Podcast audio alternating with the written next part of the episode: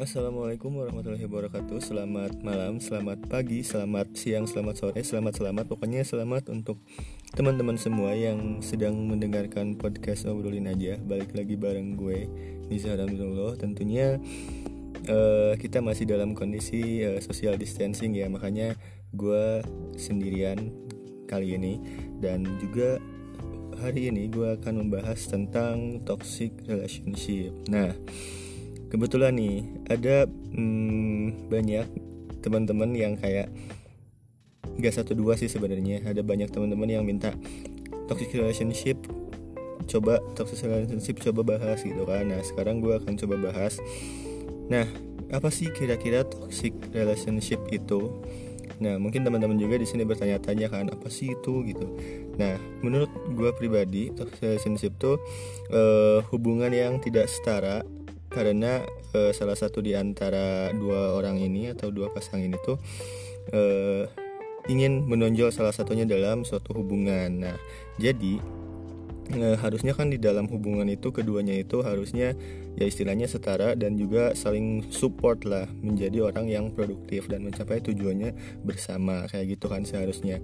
Nah, tapi e, tak jarang juga toxic relationship tuh e, istilahnya dapat memberikan uh, sesuatu yang buruk atau sesuatu yang tidak mengenakan terhadap salah satu pihak seperti itu.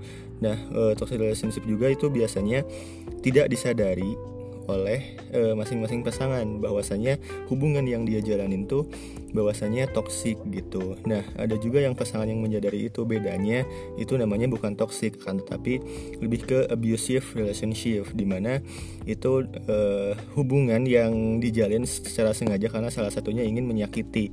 Nah, secara itu kalau toksik itu kan tidak disadari tapi uh, berdampak lah entah itu verbal ataupun uh, non verbal atau tindakan seperti itu. Nah, gue juga setelah baca-baca juga ternyata ada nih uh, contohnya sebagai salah satu contoh. Uh, public figure uh, pokoknya ada ya gak akan sebut namanya. Sempat viral tuh setelah uh, membagikan kisahnya tentang toxic relationship di media sosialnya. Tepatnya di akun Instagramnya dia menyebutkan bahwa ia sempat mengalami kekerasan verbal maupun fisik dari mantan kekasihnya. Bahkan dia sempat mendapatkan ancaman bunuh diri. Seperti itu. Nah mungkin beliau adalah salah satu dari banyak orang yang pernah mengalami toxic relationship ini. Lalu uh, kira-kira apa sih sebenarnya uh, toxic relationship itu? Nah balik lagi nih uh, setelah yang tadi gue jelasin juga di sini juga gue mendapatkan sesuatu. Jadi istilah toxic relationship itu merujuk pada sebuah hubungan yang ditandai dengan perilaku perilaku beracun atau merusak fisik maupun emosional diri sendiri maupun pasangan. Nah kemudian uh, setelah gue riset juga wah gila gue jadi sering riset kan gara-gara ini dilansir dari Healthspace hubungan dalam toxic relationship itu didominasi oleh perasaan tidak aman, egois, kemudian keinginan untuk memegang kendali, kemudian kondisi ini tidak dapat diremehkan karena dapat menyebabkan berbagai resiko serius bagi pasangan yang terlibat. Nah, terkadang eh, orang-orang itu kan tidak menyadari bahwasanya hubungan yang dia jalani itu toksik karena banyak sekali tentunya uh, yang mengalami kekerasan. Nah, uh, menurut gue kenapa bisa terjadi seperti itu?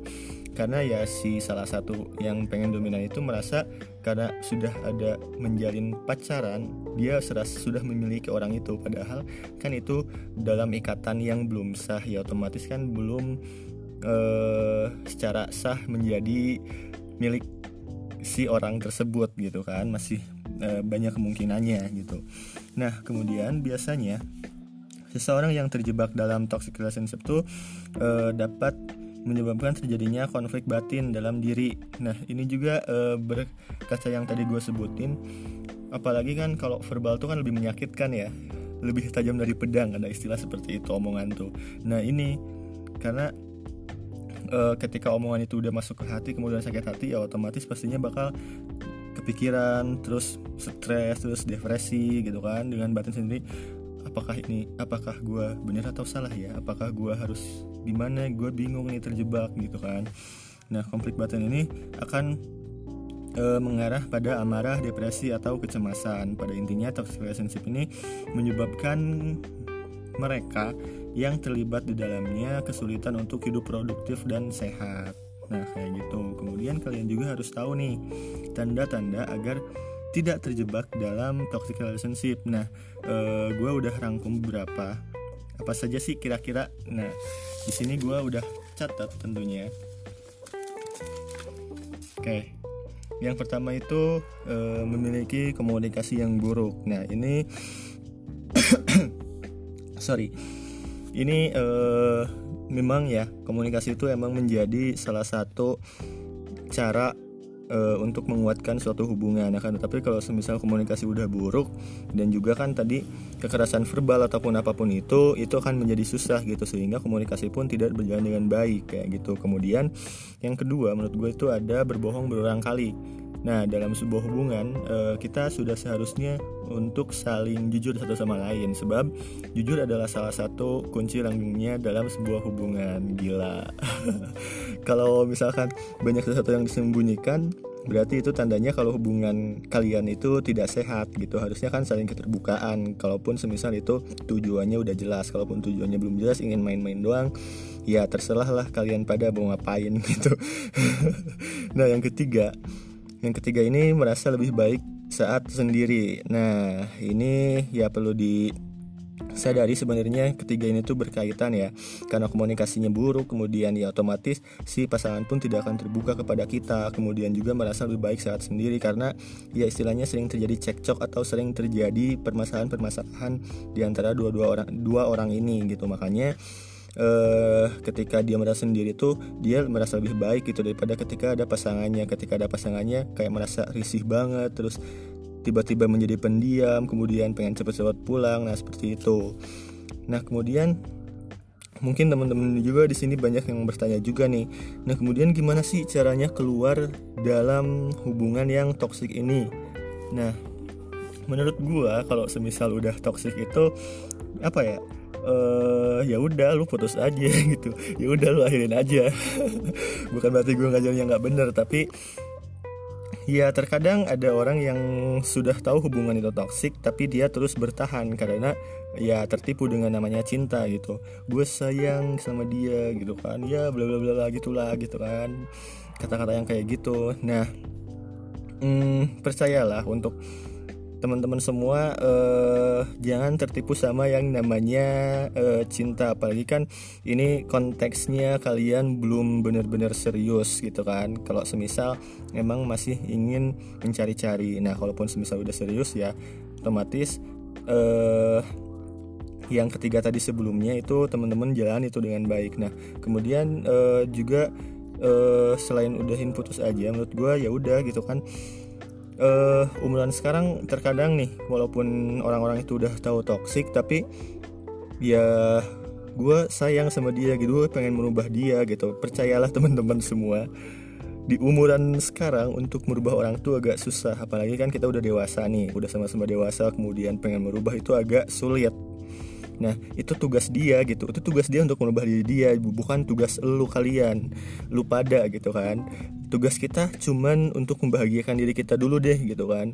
Percuma kalau semisal kita usaha untuk merubah orang lain tapi diri kita sendiri itu tersakiti gitu. Nah jadi e, perlu dirubah mungkin ya. Menurut gue ya udah udahin aja. Jangan tertipu sama yang namanya cinta atau sayang. Kemudian jangan juga teman-teman ketika menjalin hubungan pengen merubah seseorang karena itu bukan tugas kalian tapi tugas orang tersebut yang harus berubah. Karena kalian dan patut untuk bahagia gitu. Untuk apa? Semisal teman-teman bahagia kalau untuk kalau hanya menyakiti diri sendiri kayak gitu. Nah kemudian yang kedua setelah misalkan setelah putus nih kemudian bloklah semua jalur komunikasi. Mungkin ya agak kekanak-kanakan sih ya agak childish atau apalah itu. Tapi ya itu tadi kesannya tapi kalau semisal gitu e, pastinya kalau nggak gitu tuh teman-teman pasti ketika merasa keinget lagi dia pastinya teman-teman ada ingin menghubungi dia lagi gitu. Nah kalau kayak gitu ya susah juga gitu kan untuk mengakhiri hubungan yang seperti itu. Nah kemudian yang terakhir yang terakhir itu cari kesibukan. Nah ini teman-teman semua balik lagi ke yang poin pertama bahagiain diri lu sendiri dulu gitu. Dengan apa? Ya cari kesibukan gitu. Fokus untuk diri sendiri fokus untuk bahagiain diri sendiri gitu. Ngapain mikirin kebahagiaan orang lain kalau diri sendiri pun belum bahagia gitu. Makanya ya bisa lah teman-teman nyari nyari uh, hobi baru atau memperdalami bakat atau dan yang lainnya gitu kan. Kayak gitu. Nah jadi itulah tiga uh, cara agar bisa keluar dari hubungan yang toksik yang pertama putus aja atau udahin. Kemudian yang kedua blok semua jalur komunikasi. Yang ketiga cari kesibukan dan fokus pada diri sendiri. Kayak gitu. Nah mungkin segitu aja dari gua. Terima kasih teman-teman yang sudah mendengarkan. Mungkin mohon maaf apabila ada yang tidak setuju karena ini gua menurut gua setelah baca-baca juga. Uh, jadi walaupun teman-teman gak setuju ya itu terserah teman-teman itu hak teman-teman itu gue cuman menyampaikan apa yang ingin gue sampaikan doang kayak gitu kan. Oke mungkin terima kasih. E, kalaupun semisal teman-teman pengen bukan pengen sih teman-teman punya cerita yang menarik atau ingin yang dibahas lagi boleh e, DM aja ke Instagram gue @nizar titik 21 a nya 2 atau e, ke email gue nanti ada di Instagramnya. Dan gue juga suka buka tuh pengen bahas apa atau cerita apa di Instagram gue nah jadi pantengin aja semuanya. Kayak gitu. Oke mungkin segitu aja. Semoga bermanfaat. Terima kasih. Wassalamualaikum warahmatullahi wabarakatuh. Bye bye